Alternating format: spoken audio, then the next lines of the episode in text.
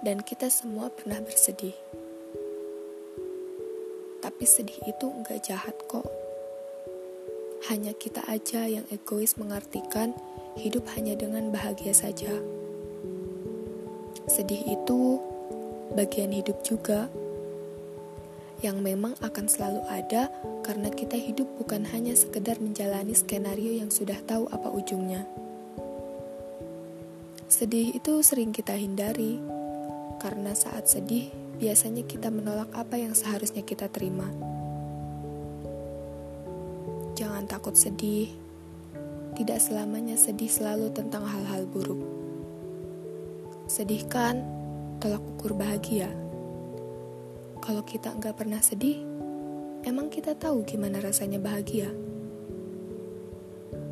Untuk yang sedih hari ini, Gak apa-apa. Belajar menerima sedih akan membawa kita pada bahagia.